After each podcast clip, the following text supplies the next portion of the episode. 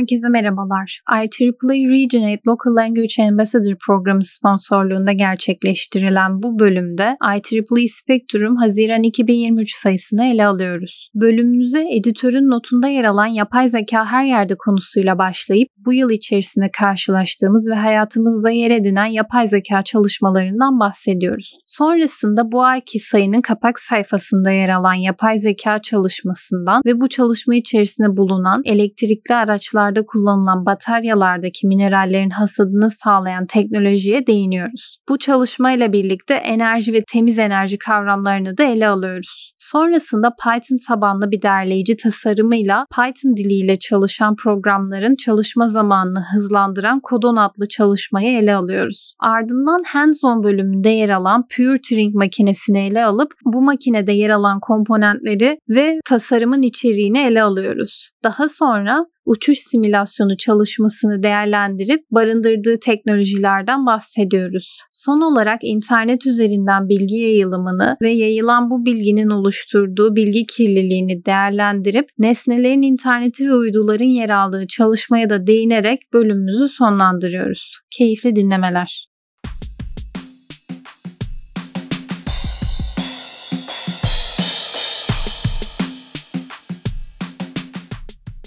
Bahadır abi hoş geldin. Hoş bulduk Seda. Mücahit hoş geldin. Hoş bulduk. IEEE Spectrum 2023 Haziran sayısını konuşmak için bir aradayız. Yılın başında Ocak sayısında IEEE Spectrum bu yıl içerisinde beklediği teknolojik gelişmelerle ilgili detaylı açıklamalar yapmıştı. Şu an yılın yarısındayız neredeyse. Yarısını tamamlamak üzereyiz ve IEEE Spectrum tarafından Ocak ayında sunulan gelişmeleri görmeye devam ediyoruz. Bu yıl içerisindeki bölümlerimizin çoğuna yapay zeka konusunu konuşarak başladık. Bu ayki sayıda da aslında editörün notuyla başlamak istiyorum. Çünkü kendisi de yapay zeka ile ilgili konuşup bu süreci değerlendirmiş. Yapay zeka konusunda birçok çalışma yapıldığını artık bu yıl içerisinde hatta geçtiğimiz yılın son aşamasında ve bu yılın tamamında kullanılan ChatGPT'nin artık hayatımızda büyük bir yer edindiğini söylüyor. Yapay zekanın hızlı ilerleyişinden bahsediyor ve bazı kurumları referans vermiş. Bu kurumlar da yapay zeka çalışmalarının artık duraklatılması gerektiğini çünkü gelişiminin hızlı hızla gerçekleştiğini ve artık kontrolden çıkabileceğini söylediklerini belirtmiş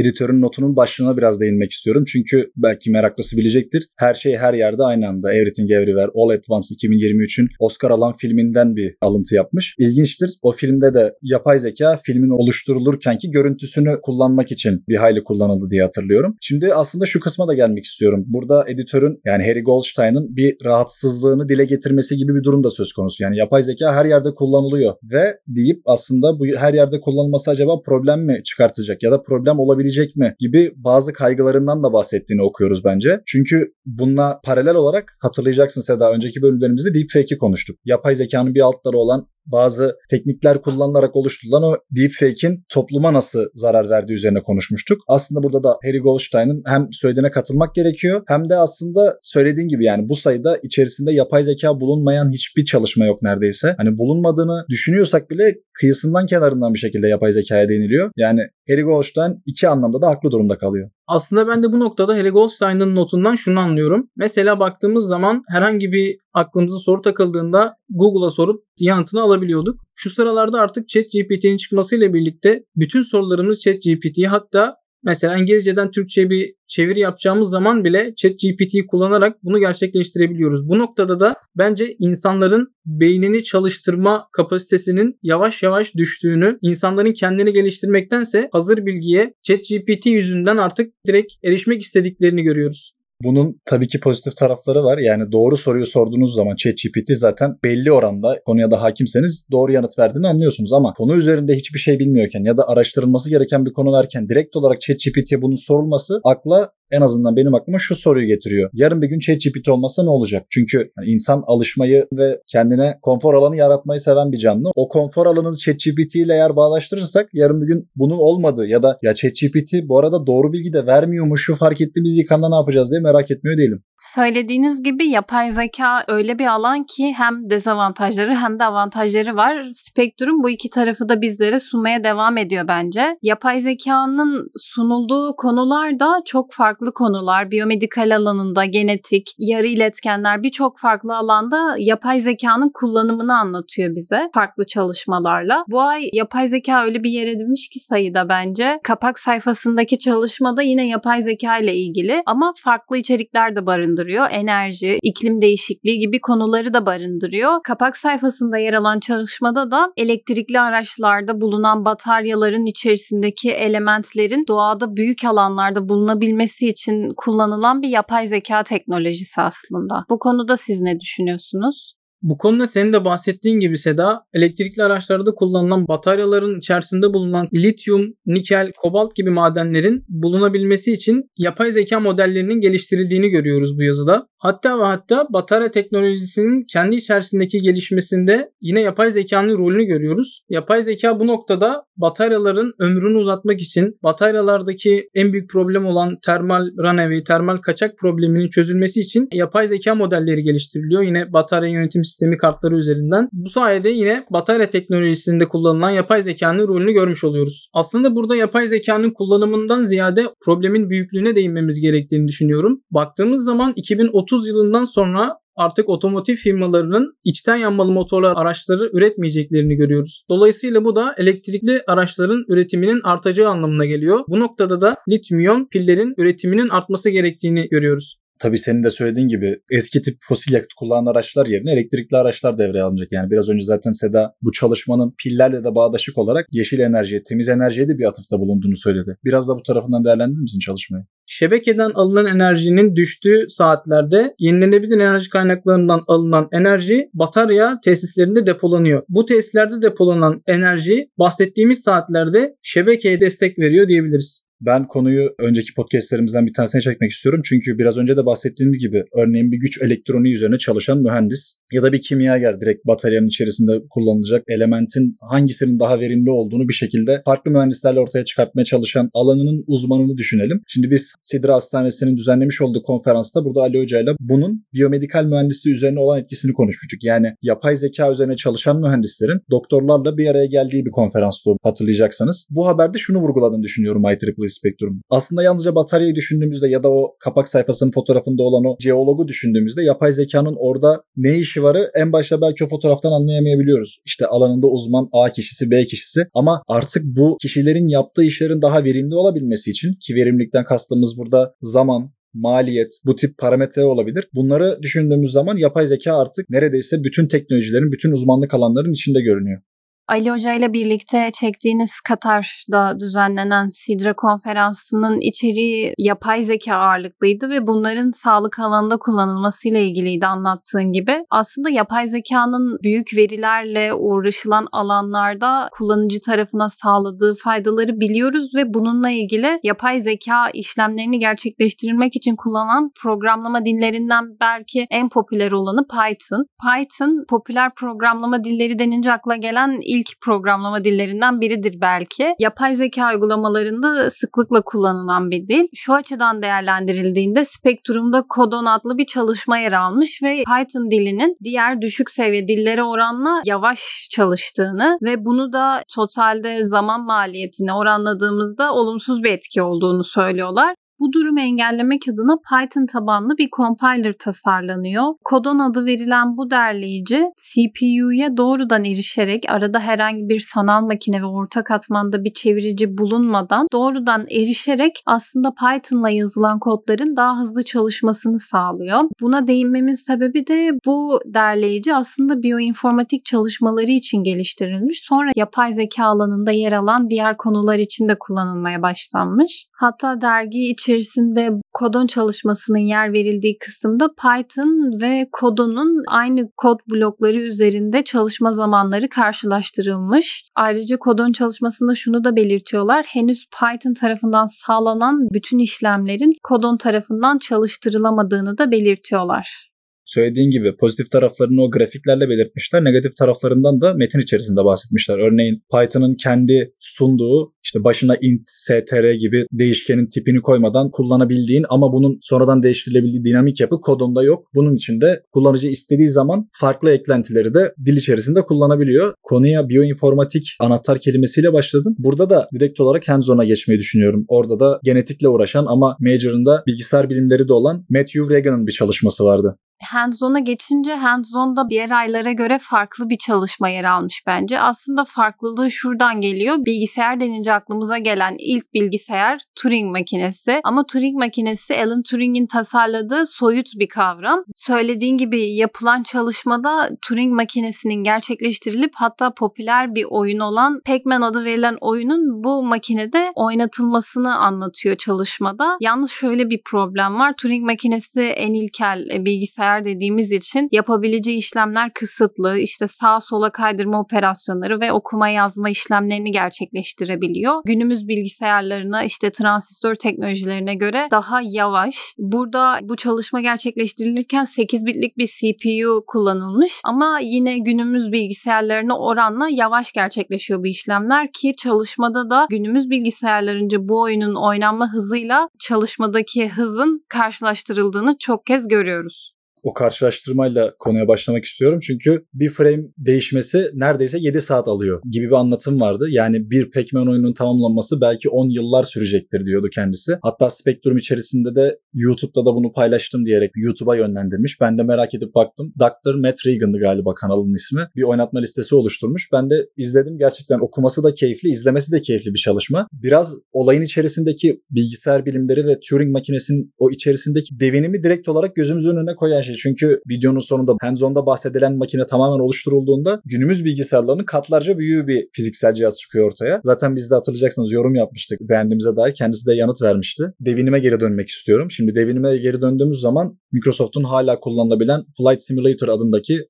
oyunu diyebileceğimiz ürününden bahsetmek istiyorum. Devinim bunun ne tarafında? Biraz önce kapak sayfasında yer alan haberden bahsettiğimiz zaman orada 6 tane Boeing 737 ile aradık bunu gibi bir cümle geçiyordu. Şimdi Boeing 737 ile Flight Simulator'ın alakası da aslında şöyle. Flight Simulator'ın çünkü başında da ilk Flight Simulator yapan kişiden daha önce alıyor. Wright kardeşleri alıyor konuyu. Yani Wright kardeşlerin ortaya koyduğu ilk uçak fikrinden ve o ilk tasarımdan falan bahsediyor. Hatta ortaya konulan ilk simülasyon da o uçağa çok benzer bir yapıda. Şimdi simülasyondan bahsettiğimiz zaman işte Devin'in neresinde bu işin? En başta Wright kardeşlerle başlayan şimdi dünyanın tamamını istediğimiz bir zamanda bilgisayarın birkaç tuşuna basarak tabi simülasyonu bilgisayarımıza indirmiş olmak suretiyle görebiliyoruz. Yani nereden başlayıp nereye giden bir teknoloji. Bunda da aslında daha önceki sayılarda konuştuğumuz neural rendering konusu geliyor aklıma. Çünkü en baştaki oyunda kullanılan o görsellerle şimdikinin arasındaki fark tabii ki bilgisayarın içerisinde kullanılan GPU'nun gelişim sürecini de aslında bize aktarıyor. Ve en başta bu simülasyonu yapan kişinin yayınladığı makaleye de biraz göz gezdirme şansım oldu. Çok ilginç çalışmalar var. Yani tabii ki bana ilginç geliyor şu an. Yılını yanlış hatırlamıyorsam 1979 yılında yayınlanmış bir dergiden alıntıydı. O dergide de bilgisayarın speech recognition nasıl yaptığı ya da böyle şu anda görsek aa çok eski zamanlarmış gibi düşünebileceğimiz bazı teknolojiler hakkında yapılan çalışmalardan bahsediliyordu orada. Ama tabii Microsoft'un uçuş simülasyonu ürününe geri dönmek gerekirse burada yapabildiği birkaç şeyden daha bahsetmek gerekiyor Mücahit. Tabii bence şuna da değinmek gerekiyor simülasyon o kadar geniş kapsamlı ki simülasyonun girişinde zamanın ötesinde, mekanın ötesinde olduğunuzu aslında hissediyorsunuz. Burada mesela örnek vermem gerekirse çok güzel bir manzaranın olduğu, ay tutulması, güneş tutulmasının yaşandığı zamana ve onu en iyi görebileceğiniz mekana gitmek istediğiniz varsayalım. Bu simülasyon sizin için bunu da gerçekleştiriyor. Bunun yanı sıra bu simülasyonun sizi tamamen özgür bırakmadığı zamanlar da oluyor. Örneğin yine siz zaman ve mekan seçeceksiniz ve bu zaman ve mekanı ikiz kuleler olayının yaşandığı zaman ve mekanı seçmek istediniz. Simülasyon bu noktada sizi engelliyor.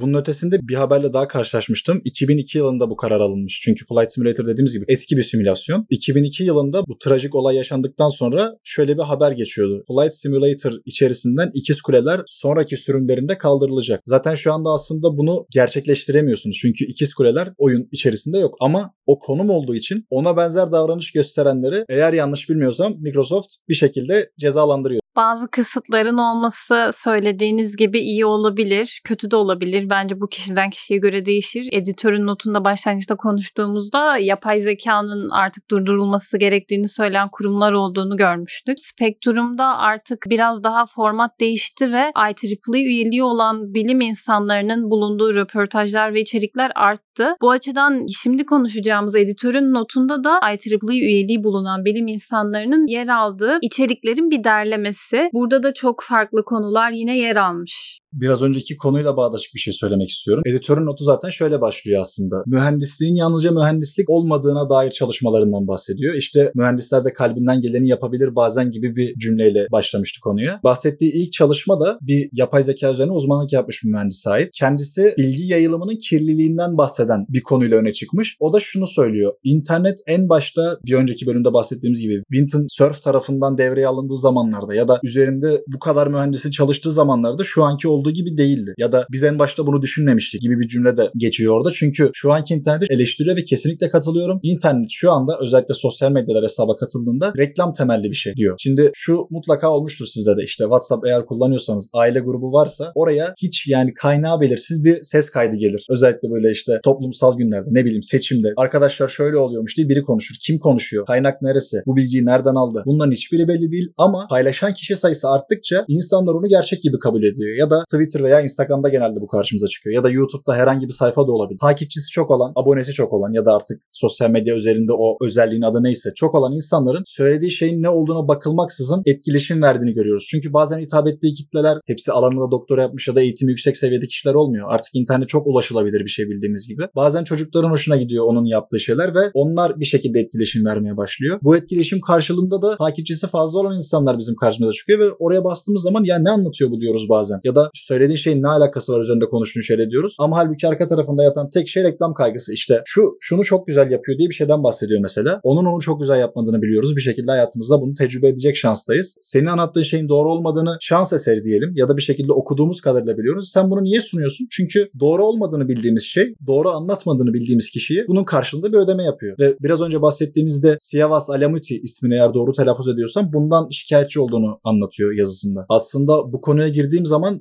Spektrum'un bu sayısı içerisinde Journal Watch'tan da bahsetmek gerekiyor. Çünkü orada biraz daha detaylı, daha öncekilere göre biraz daha farklı analiz edilmiş bir nefret dili çalışması var. Şimdi daha çok Twitter'da gördüğümüz bir şey bu. Yani bazı hesaplar cezalandırılıyor, bazı hesaplar cezalandırılmıyor. Ya bu paylaşımı nasıl yaptı diyebileceğimiz hesaplar oluyor. Çok fazla kullanmıyorum ama benim dahi karşıma çıkıyor bu rahatsız edici olmasına rağmen karşılığını bulmayan şeyler. Burada da şunu anlatıyor. Yani bazı kelimeler, bazı cümlelerde nefret dili olurken bazı cümlelerde olmuyor. Şimdiki teknolojilere bakıyoruz. 5 tane hiç nefret dili olmayan kelime bir araya gelmiş ama çok agresif ya da çok ofansif bir şeyden bahsediyor. Demek ki üzerinde çalışan algoritma bunu bir şekilde nefret dili olarak algılamıyor diyoruz. Burada da aslında rahatsız olduğu şey şu zaten. Hem bu Journal Watch hem de biraz önce bahsettiğimiz Siyavas Alomuti'nin çalışmasını bir araya getirdiğimizde, yorumlarını bir araya getirdiğimizde şu sonuç çıkıyor ortaya. Merkezi olmayan bir internete mi ihtiyacımız var? Direkt olarak Siyavas Alomuti bunu söylüyor zaten. Şimdi Twitter, Facebook, Instagram bunlar merkezi sosyal medya hesapları çünkü bir kişi ya da bir grup tarafından organize ediliyor, regüle ediliyor. Sen bunu yazamazsın, sen onu yapamazsın. Sana gelmiyorsa o zaman hesap açma benden şeklinde yapılıyor. Bunun galiba farklı şekilde regüle edilmesi gerekiyor diye düşünüyoruz ki zaten bunun üzerine bayağı bir konuşma yapılmış bahsettiğim iki çalışmada. Yavaş yavaş bölümün sonuna gelirken internete de değindik madem. Geçen ayki sayıda Winton Surf ile internetin doğuşundan bahsetmiştik. Bu ayki sayıda da internetle ilgili bir çalışma var. Aslında bu çalışma yine farklı alanları içeren bir çalışma. Uydularla alakalı e, nesnelerin internetini kullanarak uzayda keşif yapan CubeSat adı verilen uydulardan bahseden bir çalışma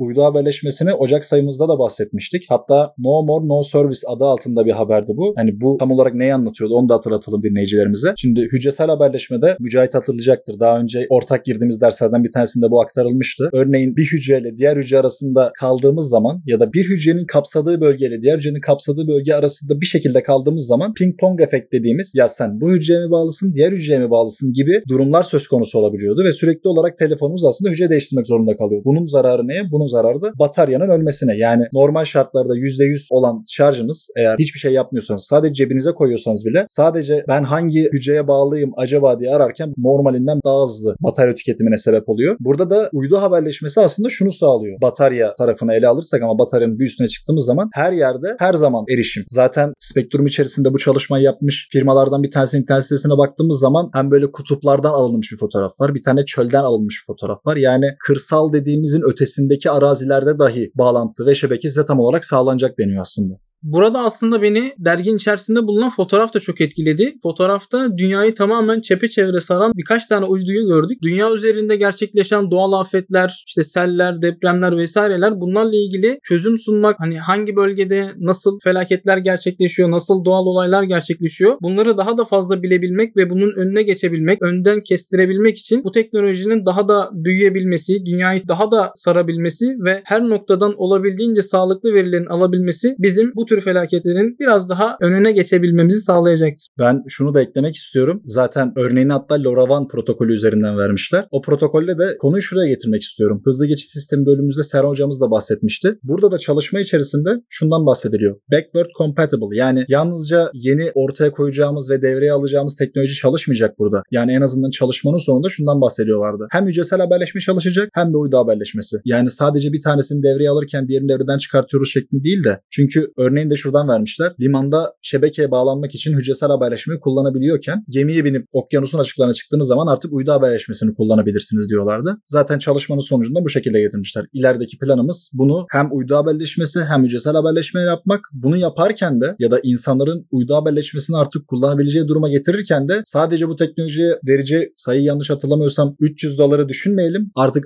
IoT uyumlu modüllere 7-9 dolar gibi daha öncesinde söylenen fiyatın neredeyse %1 gibi bir fiyatla da bundan yararlanabiliyorsunuz diyordu. Bu ay gerçekten dolu dolu bir sayıydı. Birçok farklı çalışmadan bahsettik. Konuşmadığımız birkaç farklı konu daha var aslında. Çalışma daha var. Yarı iletken teknolojisi, çip tasarımı, çip tasarımında yapay zekanın kullanılması, iklim değişikliğine olan çözümler gibi birçok farklı çalışma da var. Bölümü kapatmadan önce yarı iletkenlerden bahsetmek istiyorum dergideki. Yarı iletken teknolojisinde Amerika Birleşik Devletleri'nin görmüş olduğu bir gerileme var. Bu gerilemenin nedenini uzmanlar şu şekilde görüyorlar. Yarı iletken teknolojisi öğrencisinin okullardaki eğitiminin azaldığını görüyorlar. Bunu çözmek için müfredatları değiştiriyorlar. Okullara yarı iletkenlerle ilgili dersler koymaya başlıyorlar. Hatta bunun ötesine geçip uygulamalı dersler veriyorlar. Illinois Üniversitesi'ndeki öğrencilerin yapmış olduğu çalışmalarda şunu görüyoruz. Daha mezun olmadan önce çip tasarımları ile ilgili çeşitli dersler alıyorlar. Bunlarla ilgili uygulamalar yapıyorlar. Belli problemleri çözmek için çalışıyorlar. Hatta bunları şirketlerle ortak bir şekilde yapıyorlar. Yapmış oldukları tasarımları şirketlerden teslim alıyorlar. Bu aldıkları yaptıkları devreleri test ediyorlar. Problemli olan kısımları tekrar gönderip yeniden güncelleme fırsatına sahip oluyorlar. Bahsettiğin yazıda şunlar da geçiyor. İşte Amerika menşelli olmayan firmaların okullara gidip dersler vermesi. Dışarıdan firmalar tabii ki gelsin. Hatta ülkede Silikon Vadisi gibi farklı yerlerde de kendilerine ait merkezler kurduğundan da bahsediyor. Tabii ki gelsinler kursunlar ama bunu bizim ülkemizden de iş gücü olarak çıkartmamız gerekiyor diyerek de senin söylediğin yere varmışlar diye anlıyorum. Yani artık bunun okul düzeyinde öğrencilere anlatılması, bunun nasıl gerçeklendiğini ve ortaya neler çıktı çıktığını öğrencilere anlatılması bu sayede de bu alanda da istihdam sağlanabilmesinden bahsediyor. Eklemeleriniz için teşekkür ederim. Güzel bir bölüm oldu bence. Katıldığınız için de teşekkür ederim. Ben teşekkür ederim. Ben teşekkür ederim. Herkese iyi haftalar.